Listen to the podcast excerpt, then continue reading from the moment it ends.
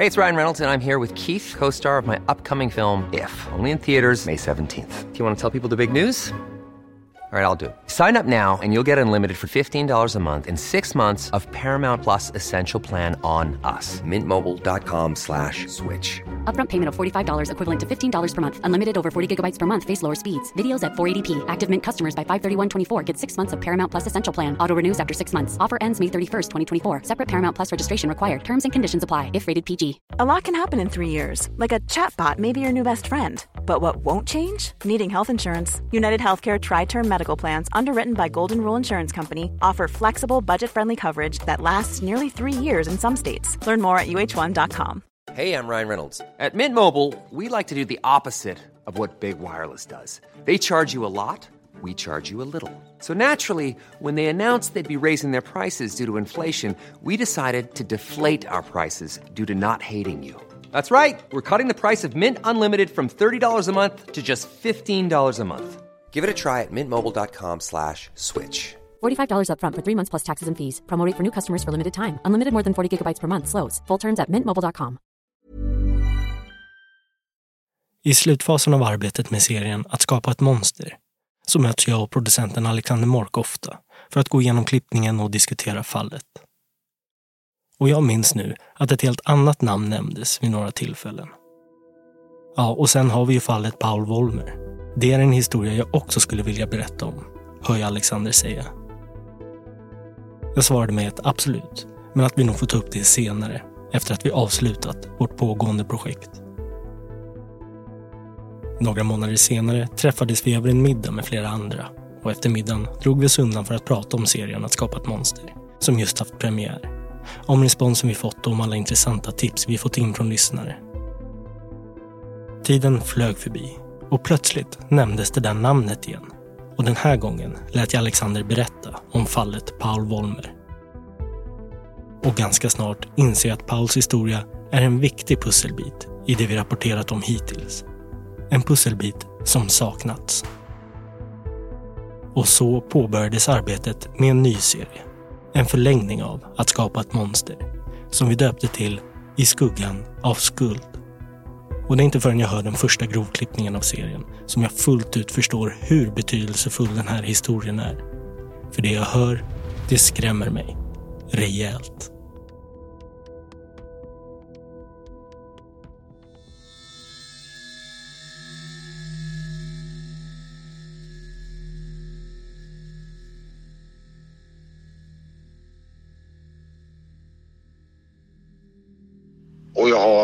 En, en, far och mor som liksom har uppfostrat mig att eh, stoppa polisen dig så, och man svarar artigt till polisen. Och har man gjort någonting, ja då erkänner man. Man talar alltid om sanningen. Jaha. Så jag trodde, jag trodde stenhårt på dem alltså. Stenhårt trodde jag liksom på dem alltså att... Men sen konstaterade jag liksom mer och mer liksom att att säga sanningen här, det spelar ju ingen roll för det tror de ju inte på. Och då kom den där ångesten, eh, paniken liksom. Ja, jag kommer att sitta här och liksom är mer eller mindre dö här inne. Jag föreställer mig att det finns fler människor som har blivit uppfostrade av sina föräldrar på samma sätt som Paul Wollmer. Att om man talar sanning så kommer det lösa sig till slut. Det är rätt sak att göra. Jag kommer aldrig, så, länge, så länge jag lever så kommer jag kämpa liksom för det här. Och det är inte för min, min skull. Utan det är för att som jag anser att idag har inte mina föräldrar får inte veta vad och, och med en släkt som hon, som hon eh, står henne nära, syskon bland annat. Om inget annat har de rätt och jag i högsta grad har också rätt. Vad fan hände min flickvän? Och Pernilla själv har fan rätt att få upprättelse. Det här var det som hände mig. Du förstår lite hur jag tänker. Även om hon inte är här va. Så i alla fall får vila lugnt där hon befinner sig.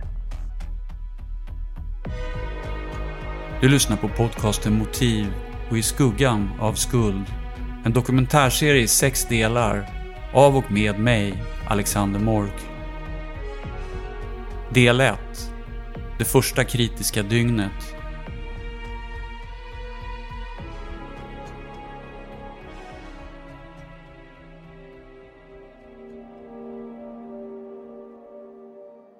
Pernilla är 17 år, hon är cirka 1,62 lång och har bruna ögon. Hon är lätt fräknig och håret når rätt långt ner på ryggen. Hon har nyligen färgat det lätt rött. Just idag, den 18 december 1991, har hon snurrat håret och det är uppbundet med ett svart gummiband. Klockan är tio över sex när Pernilla upprörd rusar ut ur huset efter ett gräl med sin fem år äldre sambo Paul. Pernilla skriker till Paul att hon skiter i allt, att hon kanske liftar med någon. Springande lämnar hon deras gemensamma hus och fortsätter längs grusvägen. Förmodligen mot korsningen Bockebodavägen och Bassköpsvägen, nära Kristianstad, nära Hässleholm. Tio minuter senare, cirka 18.20, uppger sambon Paul att han blir orolig och han ger sig ut för att leta efter Pernilla. Han tar bilen och söker efter henne men han kan inte hitta henne någonstans. Han åker till slut tillbaks till huset för att se om Pernilla har kommit tillbaks dit. Klockan har då hunnit bli nästan 19.30. Paul går in och ut ur huset och letar i närheten. När klockan har blivit nio på kvällen och Pernilla fortfarande inte har återvänt så uppger Paul att han tar med sig hunden Chabo ut och försöker spåra upp Pernilla. Chefen Chabo söker längs grusvägen som om han har fått ett spår efter Pernilla men när han kommer fram till en korsning så tappar han spåret. Det är som bortblåst. Klockan ett på natten så ringer Paul till slut till Kristianstadspolisen. De säger åt honom att inte vara orolig, att det nog löser sig, att Pernilla nog kommer tillbaka snart. Sånt här händer ibland.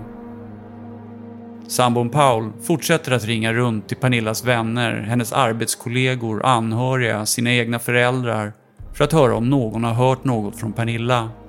Han är vaken hela natten och klockan sex på morgonen så ringer Paul återigen polisen. Polisassistent Åke Arvidsson tycker att Paul låter förgråten. Paul är mycket orolig för Pernilla och de bestämmer tillsammans att Paul ska ringa till Pernillas arbetsgivare halv åtta på morgonen. Om Pernilla inte är där då så vill polisassistent Åke Arvidsson att Paul ska återkomma och göra en anmälan om försvunnen person.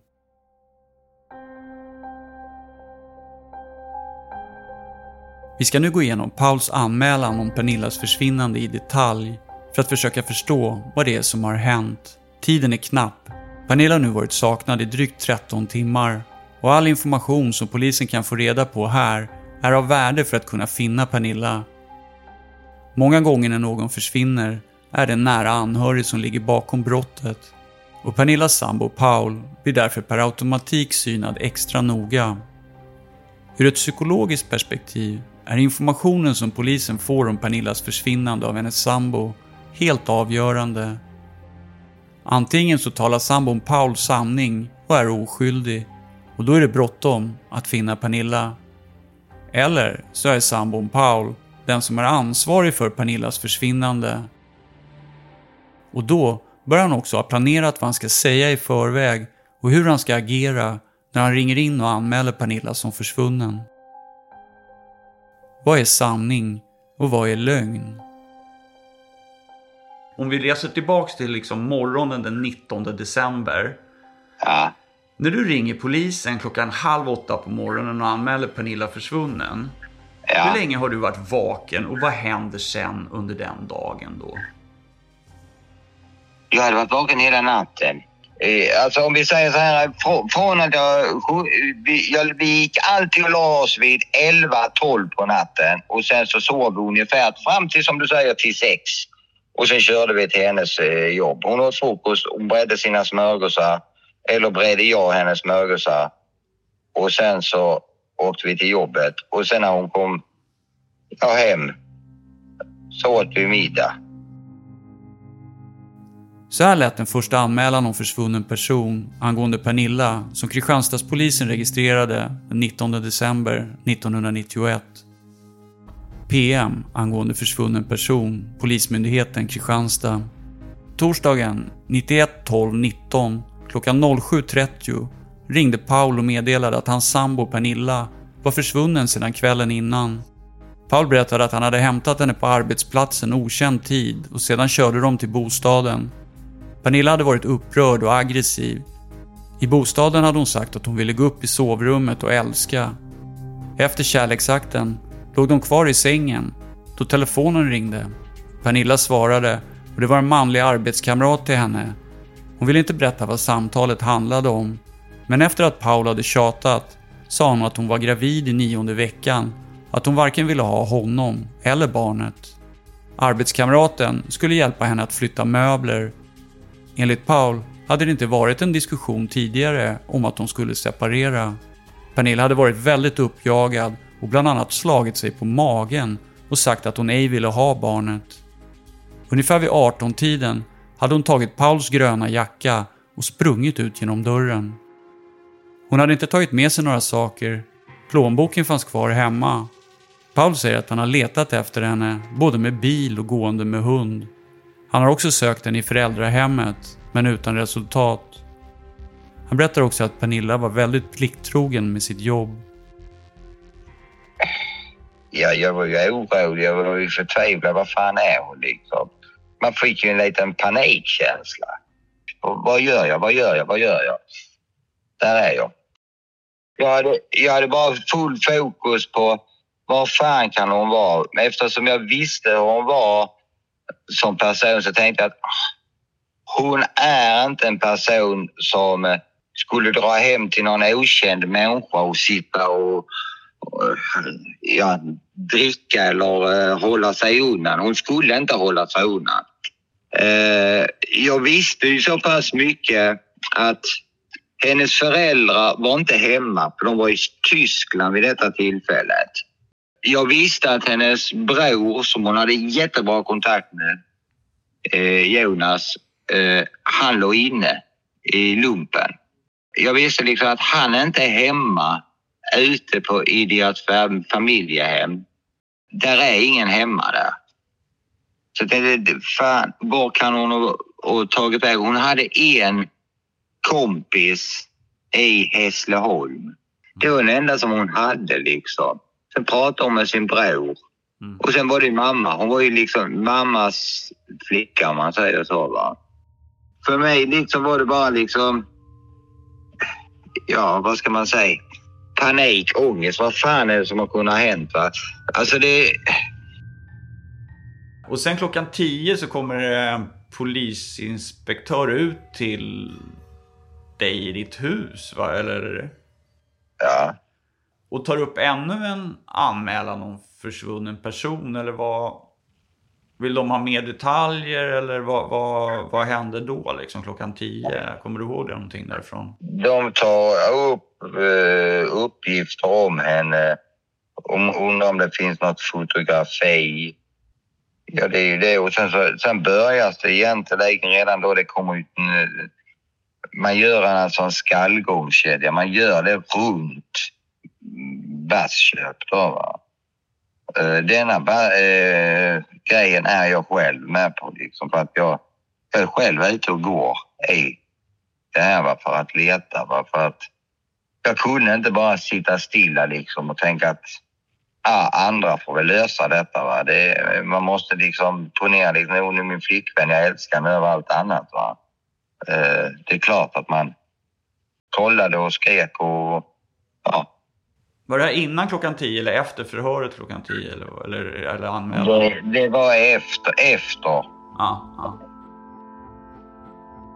När man synar gamla fall kan man ibland få hjälp av skillnader i förhör för att hitta något, någon detalj som leder en vidare och öppnar upp för möjligheten att testa en ny teori som kanske aldrig har prövats tidigare. I det här fallet ska vi titta på flera olika förhör och jämföra dem med den berättelse som har presenterats i ett åtal under en rättegång 1992. För att det ska bli möjligt att följa med i skillnader och nyanser i historien som sällan kommer fram under en rättegång kommer jag därför att läsa upp förhör med vittnen. Ett förhör hoppar ofta fram och tillbaka i tid och rum Förhörsledaren återkommer ofta till situationer, detaljer, andra uppgifter från vittnesmål. De upprepar och går igenom allt igen, ur en annan vinkel. Allt för att göra det svårare för den misstänkte att ljuga ihop ett händelseförlopp. Jag har därför ibland förkortat en del av de förhör ni kommer att höra under seriens gång. Det har gjorts för att återge vittnesmål i en mer kronologisk ordning, där en del upprepningar även har tagits bort. Pernillas sambo Paul ringer till polisen klockan 07.30 vilket leder till att polisinspektör Mats Bengtsson på Kristianstadspolisen några timmar senare följer upp samtalet med att åka hem till Paul Wolmer klockan 10 på förmiddagen för att ta upp en anmälan om person på plats. Anmälan om försvunnen person. Paul Wolmer 91 12 19 klockan 10.00. Paul har omtalat att hans sambo Pernilla försvann från deras gemensamma bostad på Bassköpsvägen vid 18-tiden på onsdagen och att hon sedan dess inte har hörts av eller synts till. Han är orolig för henne och utesluter inte att hon kan ha gjort sig något illa. Hon var mycket upprörd strax innan hon lämnade bostaden. Paul och Pernilla har varit förlovade i cirka två år och bott tillsammans i ett och ett halvt år i villan på Bassköpsvägen. De har inga barn. Däremot så påstår hon att hon skulle vara gravid sedan uppskattningsvis åtta veckor. Paul uppger vidare att sambon är anställd som djurskötare hos lantbrukaren Bengt Larsson. Vid 16-tiden körde Paul dit och hämtade henne. Han brukar köra henne dit och sedan hämta henne efter arbetets slut. Han tyckte pupillen stod stilla i ögonen på henne. Hon luktade inte alkohol men verkade lite trött och borta. Han vet att hon för tillfället tar penicillin för förkylning. På hemvägen blev hon arg och satt och sparkade samt uppgav att varför ska allt hända mig? Hemkomna bad hon emellertid om förlåtelse för sitt uppträdande i bilen. De till och med älskade med varandra. Plötsligt ringde telefonen och den uppringande ville tala med Pernilla. Han ville först inte uppge sitt namn, men så småningom talade han om vem han var. Det var en arbetskamrat som hette Mats. Han pratade med Pernilla ett tag och när han frågade vad Mats ville blev hon irriterad. Hon uppgav då att Mats skulle komma dit samma kväll och hämta hennes möbler och köra dem till hennes föräldrar i Fjälkinge. Flyttningen kom helt oförberett för honom, även om hon tidigare hade sagt att hon skulle flytta. Hon blev så galen att hon inte ville se honom mer och inte ungen heller. Hon tog på sig en jacka och rusade ut ur huset. Hon tillade att om det var så att hon skulle möta Mats eller Inge så skulle hon åka med honom. Han försöker inte hindra henne att lämna villan. Han tyckte inte att det var lönt eftersom att hon var så hysterisk. Istället höll han sig undan. Han trodde dessutom att hon skulle komma tillbaka. Efter cirka tio minuter högst tog han bilen och körde för att leta efter henne. Han såg henne inte. Däremot när han kom tillbaks konstaterade han att någon hade besökt villan. Senare fick han besked om att det var Mats och Inge som hade varit där för att hämta Pernilla. Han hade dessutom kontrollerat om hennes föräldrar var hemma. Det visade sig att de hade åkt till Tyskland och skulle komma hem 19 december på kvällen. Vidare har Paul ringt bekanta till Pernilla samt till hennes arbetsgivare. Ingen säger sig ha sett till henne. Paul säger avslutningsvis att hon har sagt till honom att det skulle vara skönt att dö bara för att få slippa honom. Det har hänt ett par gånger. Vid försvinnandet hade hon en grön Tenson-jacka på sig blå jeans samt gymnastikskor, vita och röda. Vidare hade hon ett guldarmband med kors. Hon hade inga handlingar på sig och plånboken finns hemma. Mats, som omtalas i anmälan, är anställd hos lantbrukare Bengt Larsson. Stöddig, kär i, intresserad och kär i eh, Pernilla. Och hur kan jag veta detta? Jo, för att hon sa detta till mig flera gånger. Att hon, eh, han stöter på mig. Han vill att jag ska åka härifrån. Han vill att jag ska lämna dig. Detta hände ett par veckor innan. Men så är det väl bara att skita i. Du vet vad du vill. Du vet vad allting. Ja, sa hon. Jag vill bara berätta. För hon var rak. Hon var rak. Hon menade att man måste vara ärlig, riktigt till och med tillfället att hon ville inte duscha ute på sitt eh, ställe där hon arbetade. Hon jobbade alltså med slaktsvin så att hon skulle ja, göra rent till dem och ge dem mat och sånt där. Och då hade hon liksom omklädningsrum och dusch och toalett det slutade väl att hon, hon ville inte duscha.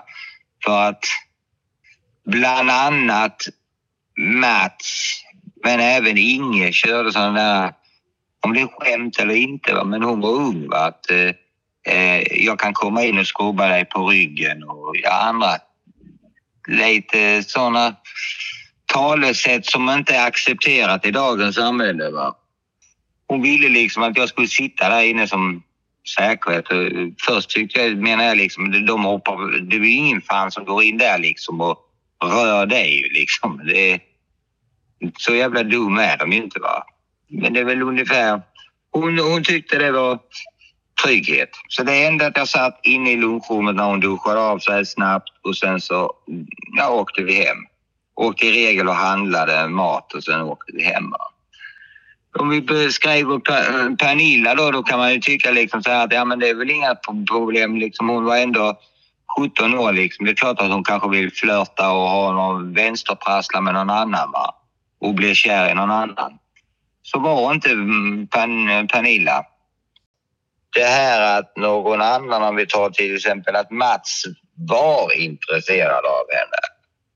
Det spelar egentligen inte henne någon roll varför hon, hon ville inte. Hon, hon eh, hade blivit inpräntat det att du, du har valt Paul och du är förlovad med Paul.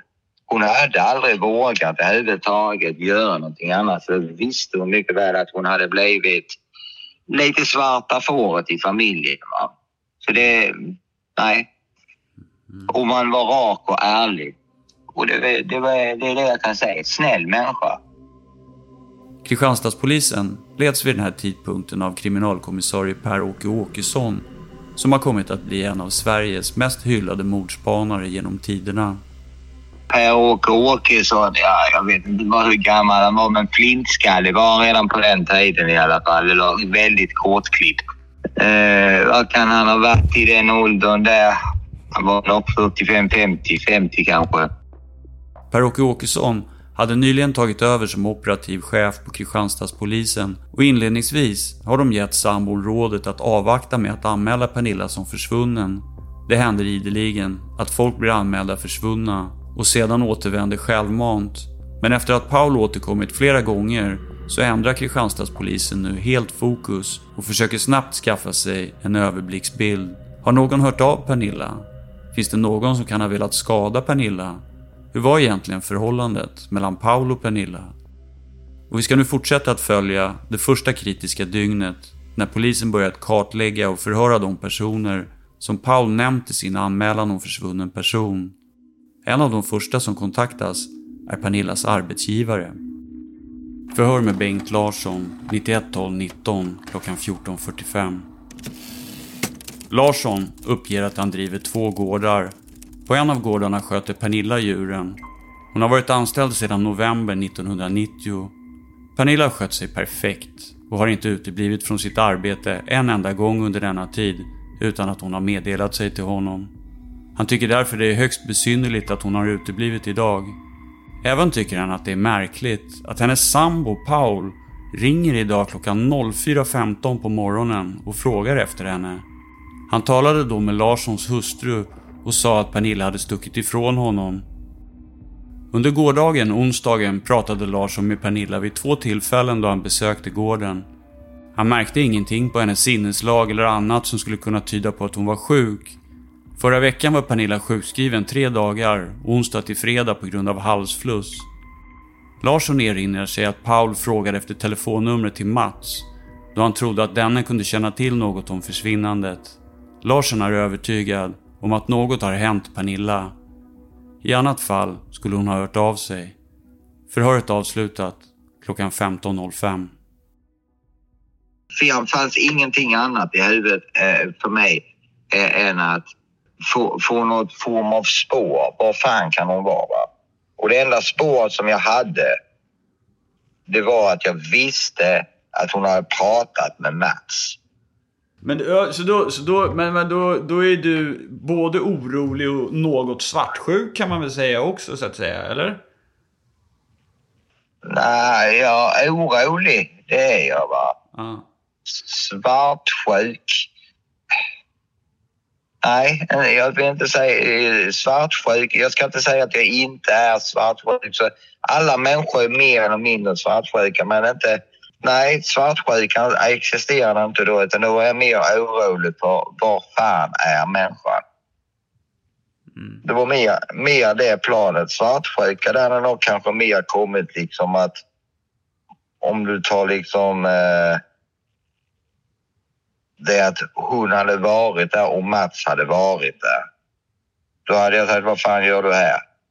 Åk härifrån, typ. Markerat liksom. Jag är förlovad med henne. Va?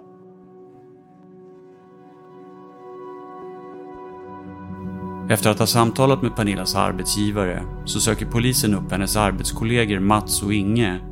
Enligt sambon Pauls anmälan ska Mats ha ringt hem till dem och frågat efter Pernilla cirka 17.15. Förhör med Mats 91 12 19 klockan 14.00. Mats berättar att han är anställd hos lantbrukaren Bengt Larsson. Han känner Pernilla sedan cirka ett år tillbaks då de är anställda på samma ställe. Han vill inte påstå att han känner Pernilla särskilt väl, men han har intrycket av att hon är en rejäl och pålitlig flicka, för det mesta glad hon brukar ibland beklaga sig över sin sambo Paul. Hon har sagt att de har haft slitningar i förhållandet en tid och då att Paul inte vill att hon ska flytta. Hon har vidare sagt att Paul är mycket svartsjuk. Mats ringde upp Pernilla vid 17.15 tiden.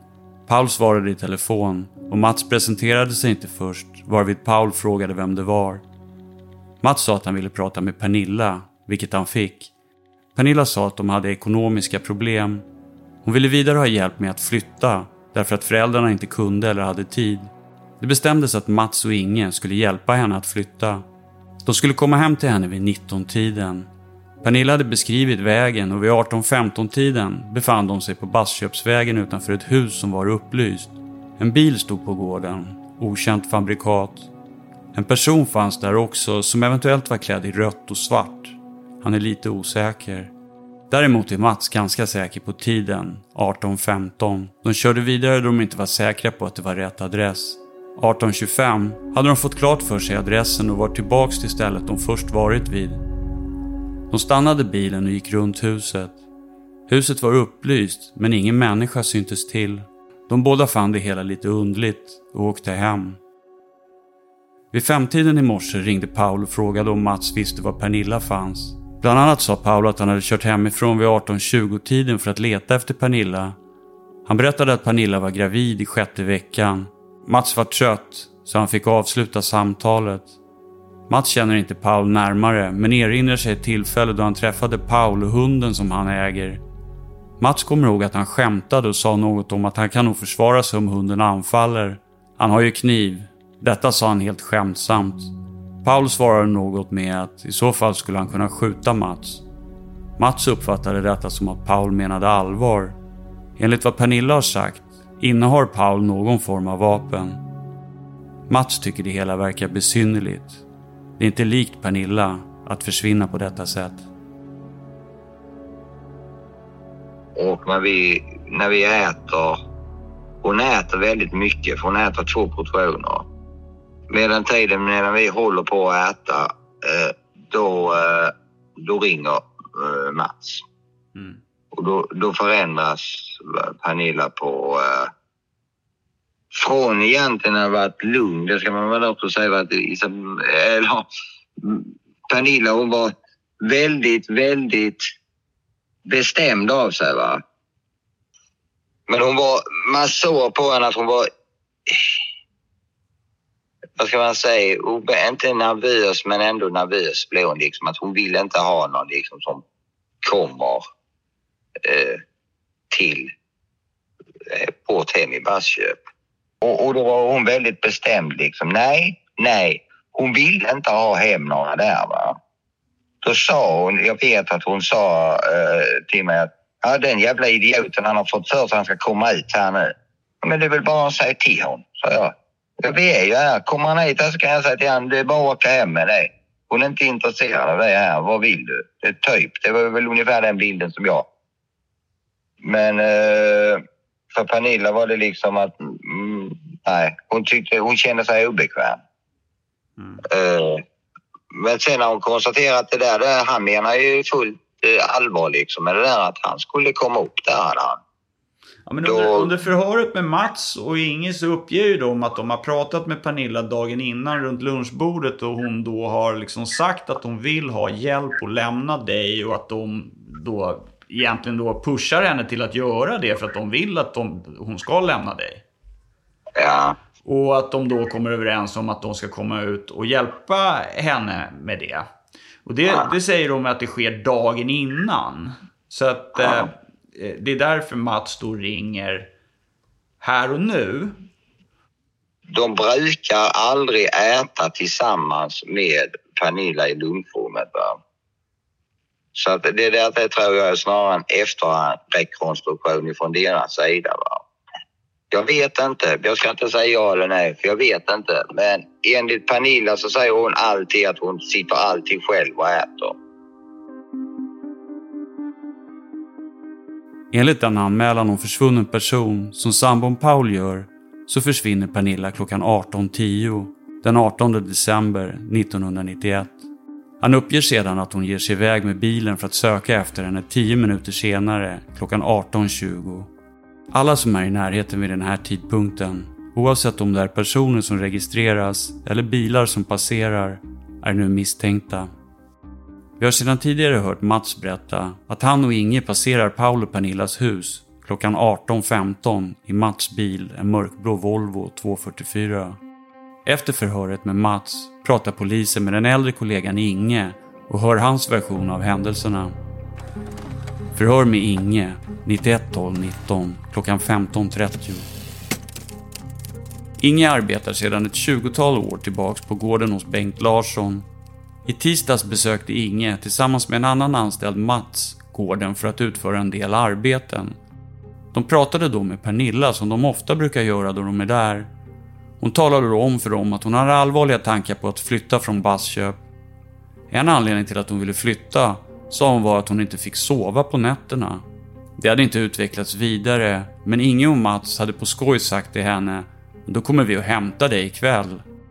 Pernilla hade samtyckt till detta och de bestämde då att de skulle komma på kvällen, på onsdagen. Mats ringde då vid 17.45-tiden till henne och sa att han skulle köra hemifrån nu och beräknade att vara där om cirka en halvtimme klockan 18.15.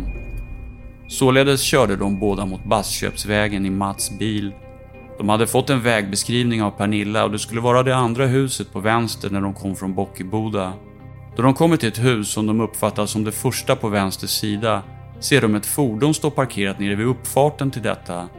Fordonet är vänt mot Bockebodahållet och står intill vägkanten. Det uppehåller sig en person snett bakom till höger om fordonet. Ingen uppfattar personen som mörkklädd med något rött inslag. Eventuellt något foder, någon jacka eller kavaj. Han kan inte avgöra om det är en man eller en kvinna. Bilen är mörklagd. Inge uppfattar fordonet som en bil av en halvkombi. Troligt fabrikat kan vara Audi, men dock ej helt säker. Färgen på fordonet är mörk svart eller mörkblå. Längden på den person som uppehåller sig vid fordonet uppskattar Inge vara cirka 175 cm. Inge tittade på klockan och såg då att den var 18.25. Eftersom detta var vad de uppfattade som det första huset så fortsätter de vidare. Avståndet de kör är cirka 200-400 meter och så stannar de och frågar vid ett hus.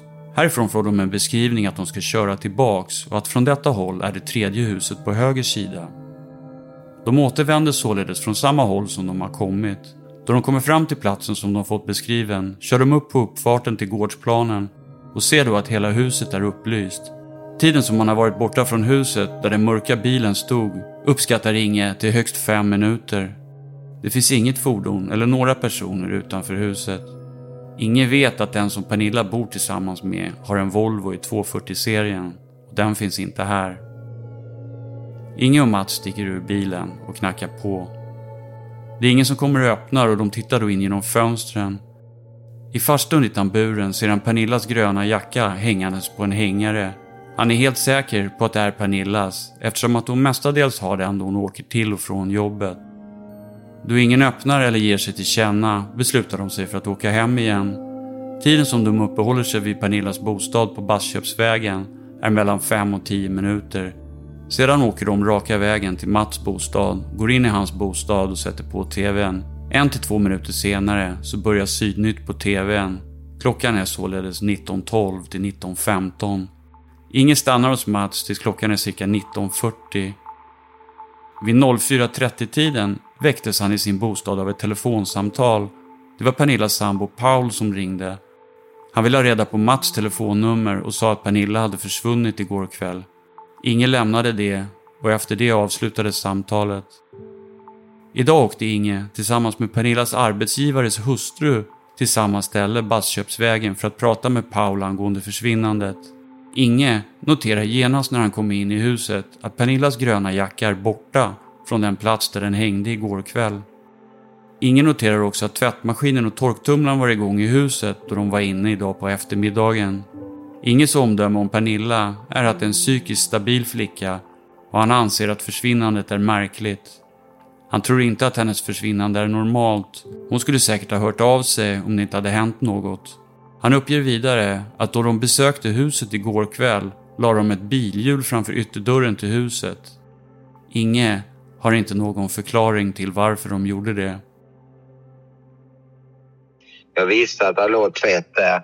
Det, nu ska det ju sägas så här, det var ju fan inte bara lakan utan det var ju kläder som jag visste som arbetströjor och grejer som hon skulle använda. Va? Och det var någonting som hon var va? så var det ju väldigt renliga. Alltså hon ville inte lukta svin helt enkelt. Va? För det är ju slaktsvin. Va? Det luktade sätter sig direkt i kläder. Va?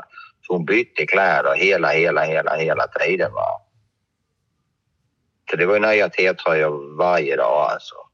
I första anmälan, tror jag, som du gör, så säger ja. du att... Då säger du först säger du att Pernilla tar din gröna jacka och går.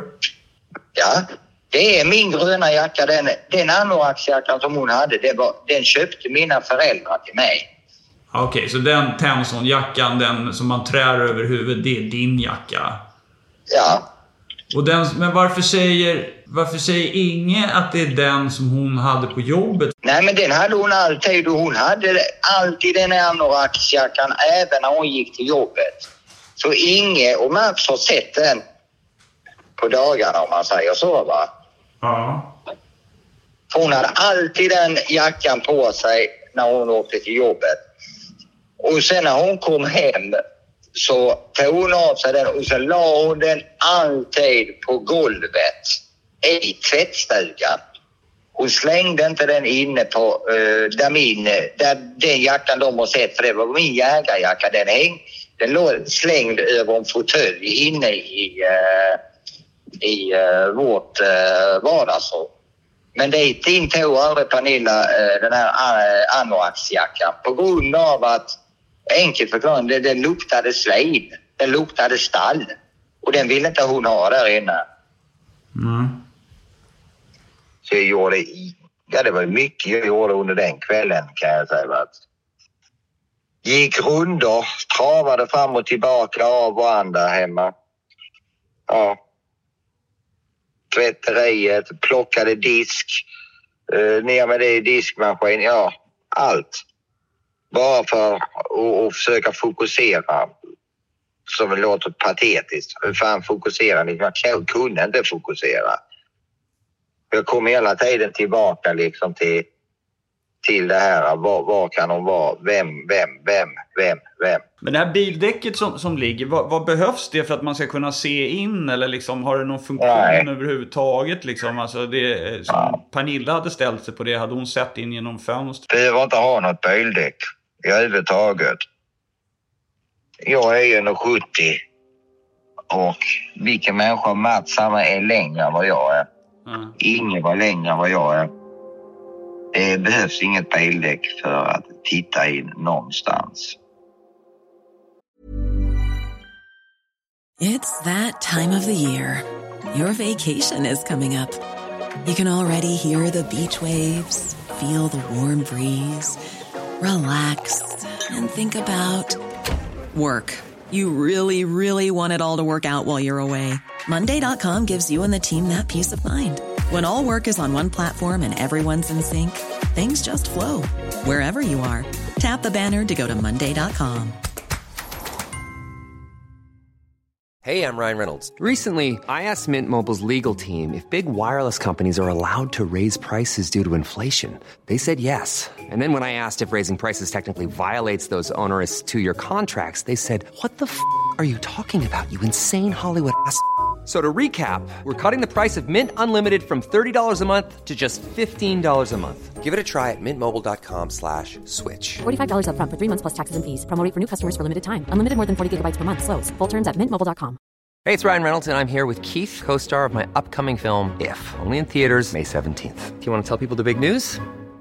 All right, I'll do it. Sign up now and you'll get unlimited for $15 a month and six months of Paramount Plus Essential Plan on us. Mintmobile.com slash switch. Upfront payment of $45 equivalent to $15 per month. Unlimited over 40 gigabytes per month. Face lower speeds. Videos at 480p. Active Mint customers by 531.24 get six months of Paramount Plus Essential Plan. Auto renews after six months. Offer ends May 31st, 2024. Separate Paramount Plus registration required. Terms and conditions apply if rated PG.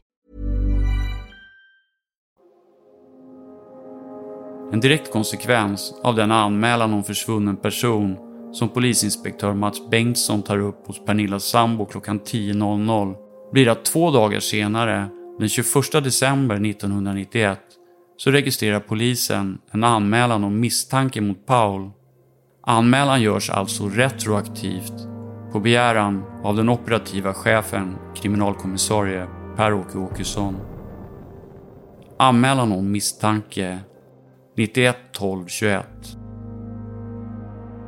Paul har 1991 12 19 klockan 10.00 anmält att hans sambo Pernilla sedan 18.10 föregående dag varit försvunnen från deras gemensamma bostad.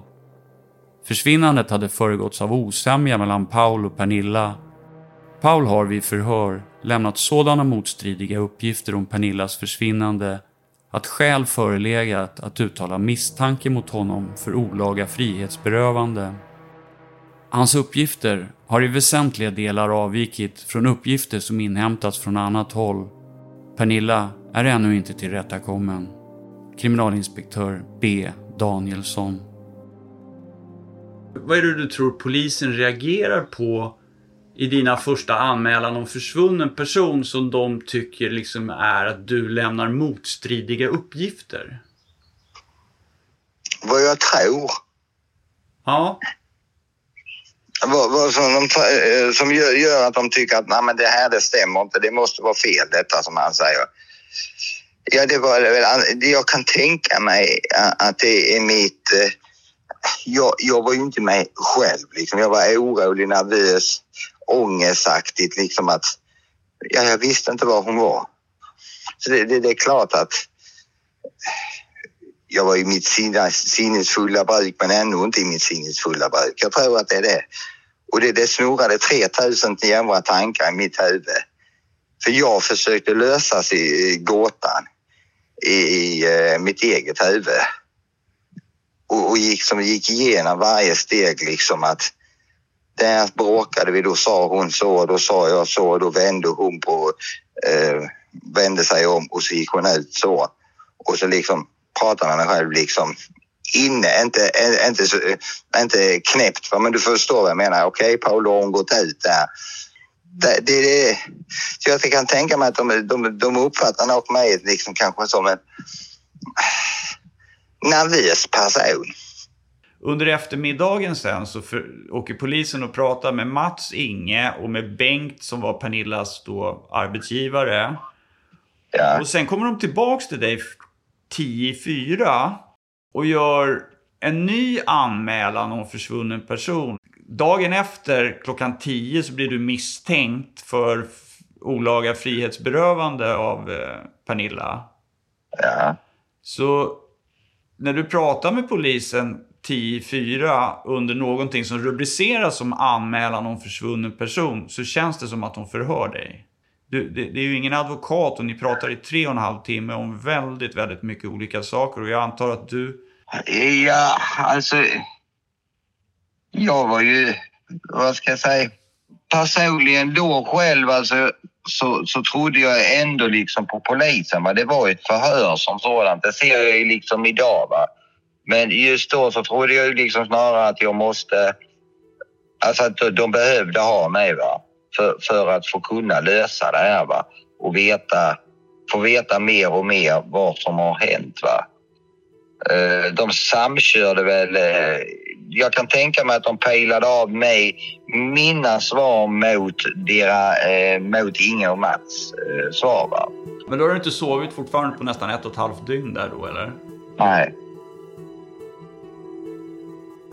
Anmälan om försvunnen person 91 12 19 klockan 15.50. Tisdagen 91 12 17 går de båda till sängs vid 22.30 tiden. Något bråk, någon osämja förekommer inte. Dagen efter, onsdagen 91 12 18 vid 06.30 bjuder Paul som vanligt Pernilla på kaffe vid sängen. Sedan kör han henne till jobbet med sin personbil, en Volvo 240 till färgen silverfärgad. Han kör sedan direkt tillbaks till deras bostad. Han anländer till lantbruksgården som Pernilla arbetar på, cirka 16.00. Men eftersom att Pernilla inte är klar med sina arbetsuppgifter sätter sig Paul i hennes lunchrum. Pernilla kommer snart och Paul hör hur hon duschar och byter om. Han tror att de lämnar hennes arbetsplats vid 16.30-tiden. På vägen hem i bilen tycker Paul att Pernilla verkar lite trött. Det är första veckan som hon arbetar efter att ha varit sjukskriven cirka en vecka på grund av halsfluss. Hon hade något besvär med öronen. Kanske är det penicillinkuren som gör henne så trött. Han frågar henne vad hon vill äta och de stannar till vid Vivo-affären. Och Paul springer snabbt in och köper makaroner och korv. Under den fortsatta färden så sätter Pernilla upp sina fötter mot instrumentpanelen och börjar att småstampa. Hon är både gråtfärdig och arg. Varför? Varför ska all skit hända mig? Paul undrar vad som har hänt. Ingenting, svarar Pernilla. De är hemma cirka 16.40, 16.50. Väl hemma kramar hon om Paul och ber om förlåtelse för sitt utbrott i bilen. Hon säger att allt är okej okay och han leder henne mot soffan så att han kan börja laga mat. Pernilla föreslår då att de kan göra något trevligare varefter hon går till ovanvåningen där de har sin sängkammare. Pernilla tycker att de ska ha sex. Paul blir lite ställd då de inte varit tillsammans på en och en halv vecka. Ett litet tag efter att de haft sex så ringer det på den trådlösa telefonen. Men den är på nedervåningen. Klockan är nu cirka 17.10, 17.15. Paul går ner och svarar. Det är en mansperson. Kan jag få tala med Pernilla? Paul hör direkt att det är Pernillas arbetskollega Mats. Men han frågar ändå vem det är. Efter tredje frågan svarar personen att det är Mats. Paul räcker över luren till Pernilla. Han står i samma rum, men han hör inte allt som sägs. Mest lösryckta ord. Paul frågar Pernilla hur det kommer sig att Mats plötsligt ringer. Först svarar hon inte, men efter en stund så säger hon att det gäller en julklapp som de skulle ge till sin arbetsgivare på gården. Paul tror inte på henne, men säger inget. Pernilla är nu väldigt arg. Hon säger att Mats och Inge är på väg till henne med bil och släpvagn för att hämta hennes möbler och hjälpa henne att flytta till hennes föräldrars bostad i Fjällkinge. De kommer tio över sju. Paul undrar varför han nu plötsligt får reda på detta. Pernilla svarar, det är nu för sent. Paul blir skärrad och sjunker ner i en fåtölj för att lugna ner sig. Det här är saker han aldrig har hört tidigare. Pernilla sätter sig i soffan mitt emot honom. Paul frågar om hon inte kan vänta till nästa dag eftersom att hennes föräldrar är i Tyskland och inte är tillbaks förrän imorgon. Det är då Pernilla börjar gråta, skrika och kalla honom för jävla idiot och allt möjligt. Helt plötsligt så berättar hon att hon är med barn och att det var nio veckor sedan i lördags. Det är ditt jävla fel att jag är med barn. Paul frågar om det är han som är anledningen till att hon är med barn. Hon svarar att det är mest ditt fel att jag är med barn. Paul får en känsla av att hon njuter av att se honom plågad. Hon säger att om hon skulle göra abort skulle inte Paul få vara med, men han skulle ändå få veta det. Skulle hon ändå föda barnet skulle han inte få vara med vid förlossningen. Men han skulle få skriva på att han var far till barnet. Underskriften var för underhållet till barnet. Pernilla reser sig upp, tar sin Tensonjacka. En midjekort jacka med en hoprullad kapuschong. För att man ska ta på sig den så måste man trä den över huvudet. Jackan är en anorak-typ i mellangrön färg. Han frågar Pernilla igen hur detta kom så plötsligt att hon skulle flytta ifrån honom. Hon tar nycklarna som ligger på bordet, kastar dem i golvet och skriker “Jag ska härifrån”. Paul springer ifatt henne, tar om henne bakifrån. Han ber henne att lugna ner sig. Hon säger att jag ska springa härifrån, cykla, lifta dit. Paul håller henne fast. Inte hårt, men tillräckligt för att hon inte ska gå. Lugna dig så släpper jag, annars måste vi åka till psyket. Pernilla lugnar ner sig och följer med Paul in i tv-rummet igen. Hon sätter sig i soffan, men behåller Tenson-jackan på sig. Paul vandrar oroligt runt i rummet och påminner Pernilla att om hon nu ska lämna honom så har de en hel del saker att ordna upp innan. De har en massa djur att ta hand om. Pernilla är inte lika arg längre. Hon gråter och säger att hon aldrig kommer att komma tillbaka hit. Paul pratar om gemensamt bohag. Om det nu var så att hon skulle föda barn, att barnet skulle ha föräldrar på olika håll kanske inte var den bästa idén. Pernilla blir återigen omedelbart arg. Hon börjar slå på sin mage med knutna händer. Hon hatar Paul och den lilla jäveln inom henne. Hellre dör hon än att föda den jävla ungen. Paul upplever att hon är alldeles hysterisk. Hon bölar så kraftigt så att hon inte kan se något. Hon är fortfarande uppretad och arg. Paul behöver inte bry sig om om hon tänker ta livet av sig. Han undrar varför Pernilla skulle göra något sånt. Hon hade då svarat att det finns tabletter, de är lätta att få tag på. Men Paul upplevde det inte som att hon menade allvar med detta, utan att det var mest för att skrämma honom. Enligt Paul börjar Pernilla åter att slå med knutna händer på sin mage, gallskrika. Hon rusar upp, hon springer mot ytterdörren. Paul frågar vart hon ska. Hon ska möta Mats och Inge. Paul säger att klockan är bara 18.10 och de skulle inte komma förrän 19.10. Han erbjuder sig att köra henne dit, men hon vill klara sig själv. Jag liftar hellre. Därefter slår hon igen dörren och börjar att springa. Paul stannar kvar i rummet. Han vet inte vad han ska göra. Pernilla är för upprörd och han kan inte få henne att lugna ner sig. Genom fönstret i tv-rummet ser han hur hon springer ut till den närliggande landsvägen, vidare ut på vägen och tar till höger springandes. Tio minuter senare, cirka 18.20, tar Paul bilen och kör åt samma håll som Pernilla sprungit. Han följer Bastköpsvägen fram till Bockebodavägen. Där parkerar han bilen och kopplar på helljuset för att se om man kan se henne. Han ser henne inte, vänder bilen och kör vägen upp mot Kävlinge. Han beräknar att han är tillbaks vid huset igen cirka 19.30. När Paul lämnade låste han sin bostad, samtliga dörrar och fönster. Nu när han kommer hem upptäcker han att framför husets dörr ligger ett hjul som tillhör Paul. Som om någon har velat markera att de har varit på platsen medan han har varit borta. Paul låser upp dörren, går in. Ingenting tyder på att någon har varit inne i fastigheten. Han är orolig, kallsvettas. Det har nu gått en och en halv timme sedan Pernilla sprang ut. Hon har aldrig varit borta så här länge tidigare. Hon kan brusa upp och rusa iväg ibland, men hon brukar snabbt vara tillbaka. Vid 21-tiden tar han sin schäferhund i ett koppel och ger sig ut på landsvägen. Hunden är mycket ivrig och drar iväg. Hunden springer i kanten mellan asfalt och vägslänten. När den kommer fram till korsningen vid Bockebodavägen springer den först något till vänster.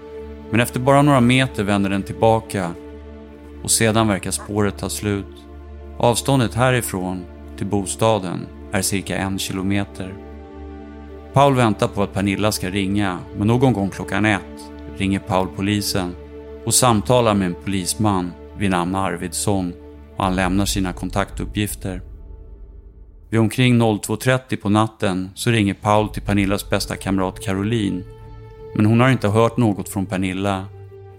Caroline berättar för Paul att för en tid sedan hade Pernilla sagt att hon önskar att hon skulle haft en tant Inga att springa över till och få tröst hos. Paul känner till att som barn hade Pernilla en tant Inga som hon brukade gå till och var då boende på Vanskivagården i Vanskiva. Paul frågar Caroline om hon tror att Pernilla kunde få för sig att lifta till Vankiva. men Caroline kan inte svara på det. Någon gång på morgonen, någon tid kan Paul inte uppge, men han ringer till Pernillas storebrors flickvän vid namn Malin. Men Pernillas bror Jonas har inte hört av Pernilla. Paul har idag fått besök av Pernillas föräldrar, sina egna föräldrar, Pernillas bror Jonas, Pernillas arbetsgivares maka fru Larsson och hennes arbetskamrat Inge. Hans kollega Mats kunde inte komma därför att han skulle till tandläkaren eller distriktssköterskan. Han tillfrågas om han har hållit sig till sanningen, varit sanningsenlig i sina uppgifter. Han svarar ja på det och uppger att han inte har undanhållit några uppgifter av värde i sitt förhör. Förhöret avslutas klockan 19.20. Tillägg till förhöret. Paul uppger att vid något tillfälle har deras vän Malin berättat för Paul att Pernilla någon gång ska ha sagt till henne att hon ibland drömt sexuella drömmar om sig och Mats. Förhöret slut. Platsen lämnas klockan 19.25. Kriminalinspektör Sven-Olof Toll. Du berättar så otroligt mycket om ditt liv med Pernilla som, som liksom i sättet som, som den kriminalinspektören var som, som har skrivit ner liksom, så att säga, förhöret i efterhand. För det finns ju inga ljudband kvar. Så är det väldigt mycket liksom om sådär ert sexliv. Det är sättet som de dokumenterar det du säger blir liksom misstänkt. Ja, jag vet. Jag vet. Men jag är sån som person att jag är öppen eh, som sådant. Om vi, tar, eh, om vi tar till exempel, det är ju bra att du nämnde det här med vårt sexliv. Det var han 12. Han ville veta om, eh, ja, antigenteligen i, dag, i dagens läge så ser jag det liksom på annorlunda. Att han ville ju liksom ha fram om, om eh, i princip sexualmördat henne. Va? Jo men det här är ju första anmälan om försvunnen person. Det är ju liksom klockan fyra dagen efter hon har försvunnit. Ja. De ändrade innebörden helt och hållet vad det egentligen var. Va? Jo men, men liksom i, utöver det så är det ju så här liksom att du säger att Pernilla har sagt eh, att eh, hon eh, ibland känner att hon hellre skulle kunna vilja dö för att slippa dig och det har hon sagt ett par gånger. Men vilket, liksom, det var- vilket mellan raderna då kan tolkas som att du säger för att eh, ja, om de hittar henne död så har hon tagit sitt eget liv och jag är inte skyldig. Ja. ja. Nej, det är inte heller så. Utan det, när hon och jag diskuterar, när hon säger att hon är gravid hemma, då säger hon ju det liksom till mig att jag dör hellre. Men det är ingenting som hon menar ä- ä- än att eh, jag, jag ska liksom åka hem och tala om detta för hennes föräldrar. Varav då jag står på mig och säger, ja, men det spelar ingen roll vad du än säger. Och så då drar jag upp allt det här som hennes pappa har sagt till mig. Att, ja, nu vet du läget, nu har du förlovat dig med min dotter, va? då är det bara att gifta sig med henne. Va? Och samtidigt när hon säger detta att hon, hon dör hellre så menar hon samtidigt så här att hon, hon dör, säger, hon säger egentligen det två gånger. För hon säger dels så som jag sa och sen säger hon längre fram liksom att mina föräldrar kommer liksom att döda mig när de får reda på detta. Det är ju inte bokstavligt att de kommer att döda mig. Va? För att ge dem en, en förklaring att, att hon är upprörd och inte stabil helt enkelt och mår bra. Ja, ja. Mm. Men det är ju konstigt att det kan tolkas så annorlunda av någon som tecknar ner det, liksom skriver ner i ett förhörspapper. För att den versionen som sedan berättas vidare på polisstationen är ju... Ja, det framträder ju en person som är väldigt förvirrad och, och pratar om eh, döda sig själv, slå sig själv på magen och eh, fast vi hade sex och, och liksom, det blir väldigt liksom som... Det, det ska ju även sägas en sak som är väldigt, egentligen väldigt viktigt. Att det är så som de har skrivit ner det. Det var aldrig någon under någon tid under denna tiden som läste upp vad man hade skrivit ner för mig. Aldrig någonsin. Fast det står ju ofta så här förhöret upplöst och godkänt av eh, Ja. Pa- Pa- Paul Volmer eller liksom. De, de, det de läste upp, det var de små anteckningar som de gjorde där inne. Det, det är ju sånt som jag i efterhand när jag tittar på det har konstaterat att de, har, de vänder på det och vinklar det på ett helt annat sätt än vad innebörden är. Och det är klart att läser man deras text där då, då är det klart att man, man tänker och tycker att han är nog kontrollerande. Varför säger han så om han inte vet någonting? Håller med liksom helt och hållet. Liksom, att det är självklart att man tycker så. Va? Det ty tycker till och med jag själv, liksom, att när jag ser texten. Va? Men just vid det tillfället, då reagerade jag inte överhuvudtaget. För jag var ju uppslukad överhuvudtaget. Eh, orolig, ångest, vad har kunnat hända? Jag satt i samma båt som alla andra och undrade vad, vad är det? Var är hon? Har det hänt henne någonting? Det var de frågorna man hade. Va? Och, och ja, då, då satt vi liksom och pratade rent allmänt egentligen där de ställde egentligen som jag ser i, i även idag va, kontrollerande frågor liksom för att vinkla in det så att man kan få det att låta som att jag i princip redan visste vad som hade hänt.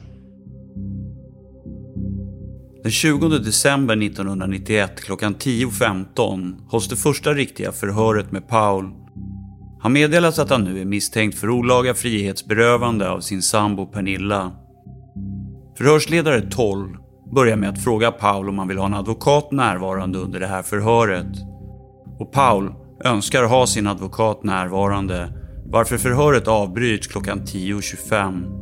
Efter att ha varit i kontakt med Allmänna advokatbyrån där Färman är anställd bestämde sig Paul för att genomgå förhöret utan advokat.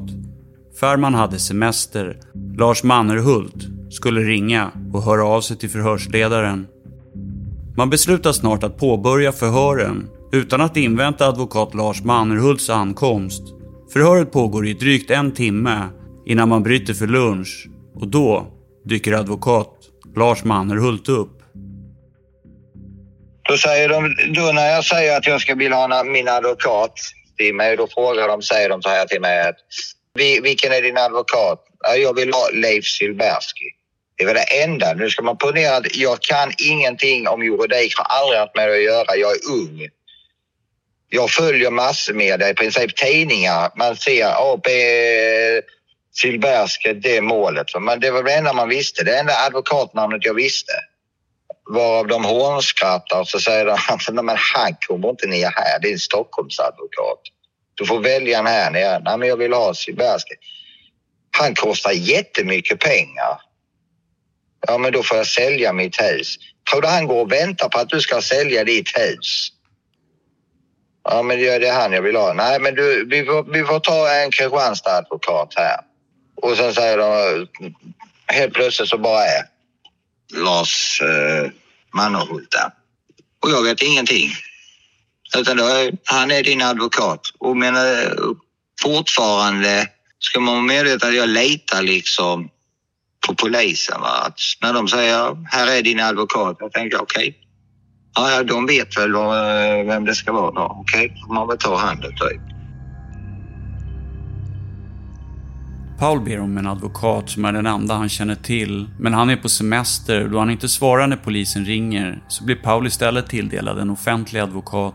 Det sker på begäran av åklagare Kai Larsson i Kristianstad som i sin roll som förundersökningsledare är den som bestämmer över utredningen. Enligt uppgifter från Lunds tingsrätt i ett annat ärende så har tingsrätten ofta en lista på ett antal advokater som de har arbetat med sedan tidigare och som därmed anlitas när den misstänkte inte har någon egen advokat. Hur det exakta urvalet av försvarsadvokat från listan sker, om det är den advokat som svarar i telefon först eller den som är bäst lämpad, är svårt att ta del av så här i efterhand. Urvalet av advokat görs ofta i stor brådska eftersom att polisen gärna vill återuppta sina förhör med misstänkta så snabbt som det är möjligt när Lars Mannerhult kommer liksom efter, ja, efter en, det har gått en timme av förhöret så dyker han upp och, och är med liksom. Ja. Men det, då, då kanske du aldrig kände att det var ett förhör eller blev du inte chockad liksom när du helt plötsligt liksom var misstänkt för frihetsberövande och skulle vakna upp till det samtidigt som du inte visste vad Pernilla var? Chockad? Ja, chockad, ja det kan man väl använda, men jag var väl också förvånad givetvis var jag ju. Va? Jag, kan, jag kommer inte liksom ihåg eh, egentligen vilka känslor jag hade ju, just då vid första tillfället när de började med det här. Va? Det var väl snarare, eh, snarare panik liksom att de trodde jag överhuvudtaget och misstänkte att jag kunde ha med det att göra. Va? Det blir ju snarare eh, inte, inte, inte att jag är arg, men ilska liksom på det sättet att för fan, förstår ni inte liksom? Hör ni inte vad jag säger? Hon så, så, så, så, så. Och så liksom nonchaleras det som jag säger ändå. Va? Och då, känns det, då kändes det väl som maktlöshet liksom. Vad jag än säger. Va? Och det, den maktlösheten den fanns ju även kvar när Mannerhult var där. För Mannerhult det konstaterade ju illa kvickt att han säger ju ingenting för jag försökte ju prata med honom. Och han sa bara liksom, han bara slog mig liksom, liksom med näven. Ja, vi tar det sen. Vi kan prata lite sen. Nu tar vi detta först. Liksom det där lugn liksom röst va. Sen var det ju inte mer. Han ställde ju aldrig några frågor till, eh, eh, eh, varken till polisen eller till mig. Advokat Lars Mannerhult, som blev vald från listan och kom att representera Paul Wollmer, har som offentlig försvarsadvokat även företrätt en man vid namn Bengt Karlsson, då han fem år senare, i januari 1997, kom att erkänna två kvinnomord i Kristianstad. Även då var kriminalkommissarie Per-Åke Åkesson ansvarig för polisutredningen. Bengt Karlssons fulla erkännanden går att lyssna på i serien Nattvandraren. Också den här under podcasten Motiv. Och samtidigt så hade jag ju den i ryggraden ifrån min, mina föräldrar och min uppfostran att, att eh, det polisen säger och polisen gör, man svarar på det, eh, bla bla bla bla bla. Och sen när jag började konstatera ju längre in vi gick i samtal, ju längre i den här utredningen, konstatera att det spelar ju ingen roll att göra så som... Ah, hela min värld rasade ju liksom med tanke att här sitter min pappa och, och, mamma och har uppfostrat mig att man ska tala sanningen för polisen för då, då, då tror de er. Men man ska inte ljuga. Och sen när jag talar sanning, då tror de att jag ljuger. Men när jag ljuger tror de att jag talar sanning.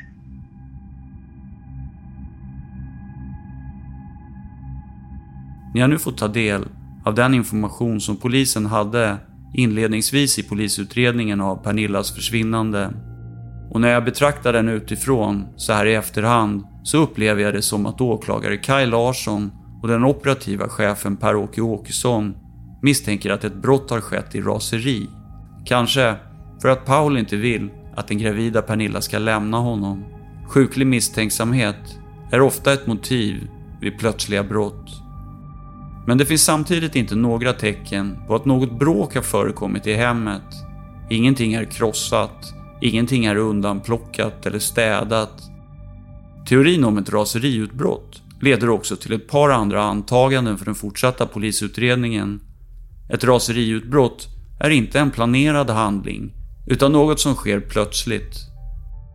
Om ett sådant raseriutbrott har skett så måste sambon Paul i så fall städat undan alla bevis och funderat över hur han ska agera innan han börjar kontakta vänner och bekanta för att sedan slutligen meddela polisen att Pernilla är försvunnen. En planering som bör ha gjorts under hög stress. Han säger att du kanske borde ringa polisen och några timmar senare så ringer du till polisen. Ja. Och vad säger de då klockan ett när du ringer? Jag kommer inte ihåg. Eh, eh, de har inte sett henne. De ska givetvis ha utkik om de ser henne. Jag är orolig, trött, ofokuserad. Eh, alltså jag är ju inte en sån där som... Jag egentligen, alltså med dagens... Alltså med min erfarenhet idag, va, ung kille liksom planera, det kunde fan inte jag göra då. Va? För mig fanns det bara en sak, var är hon? få tag i henne på något sätt. Va? Sambon Paul har om han är skyldig på många sätt valt att agera som en oskyldig person många gånger skulle agera i samma situation. Han berättar för polisen att han åker runt och letar efter Pernilla. Han försöker spåra henne med hunden, sitter uppe hela natten och ringer runt till vänner, väninnor, kollegor, anhöriga och spelar den omtänksamma och bekymrade pojkvännen. Om det inte är något han gör på grund av att han är uppriktigt orolig för vad Pernilla är, så är han istället En beräknande, totalt iskall gärningsman som känner sig säker över att han kommer kunna ljuga polisen rakt upp i ansiktet utan att röja en min. Och kanske så är Paul expert på det. Eller så är han oskyldig. Och om polisen ska lyckas finna Pernilla så bör de i så fall lyssna på det som Paul berättar för dem. Det är samma veva ska jag säga här. Va? Det är nog en sak som ni kanske inte vet. Va? Men mina föräldrar de konstaterade att jag var... Ja, jag mådde ju dåligt. Va? Så att de körde in mig till psykiatrin in i, i Kristianstad, psykakuten. Där de säger att jag har ett normalt, ett helt fullt normalt beteende liksom över att inte veta var hans flickvän är. Va? Och då flyttar jag ju även i samma veva, så jag flyttar ju hem till mina föräldrar samma dag. Eh, till mitt pojkrum. Och sen var det väl alltså tre månader i princip med förhör. Eh, polisen, eh, polisbevakning utanför mina föräldrars hus 24-7. Så jag kunde inte ta ett steg utanför eller göra någonting utan att polisen följde med.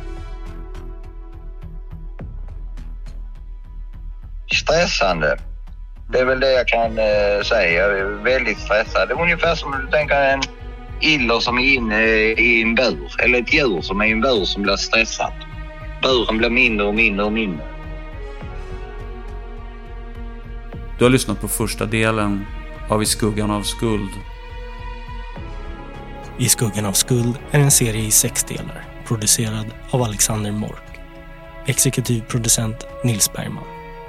Förhandslyssna på hela serien redan nu via Motiv Plus. Följ länken i avsnittsbeskrivningen. Tack för att ni lyssnar.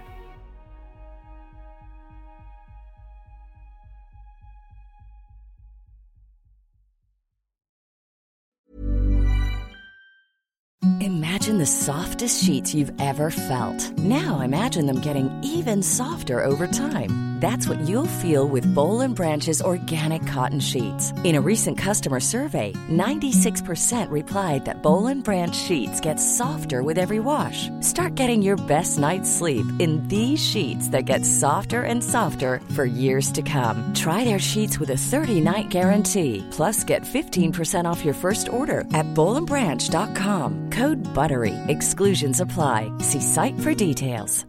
Hi, I'm Daniel, founder of Pretty Litter. Cats and cat owners deserve better than any old-fashioned litter. That's why I teamed up with scientists and veterinarians to create Pretty Litter. Its innovative crystal formula has superior odor control and weighs up to 80% less than clay litter. Pretty Litter even monitors health by changing colors to help detect early signs of potential illness. It's the world's smartest kitty litter. Go to prettylitter.com and use code ACAST for 20% off your first order and a free cat toy. Terms and conditions apply. See site for details. Even when we're on a budget, we still deserve nice things. Quince is a place to scoop up stunning high-end goods for 50 to 80% less than similar brands. They have buttery soft cashmere sweaters starting at $50, luxurious Italian leather bags, and so much more. Plus, Quince only works with factories that use safe, ethical, and responsible manufacturing. Get the high-end goods you'll love without the high price tag with Quince. Go to quince.com slash style for free shipping and 365-day returns. Motiv är en Tall Tale-produktion. Ansvarig utgivare är Jonas Häger. Och Motiv görs i samarbete med Lexbase. Ange rabattkoden MOTIV när du blir ny betalande medlem på lexbase.se och få tre kostnadsfria domar.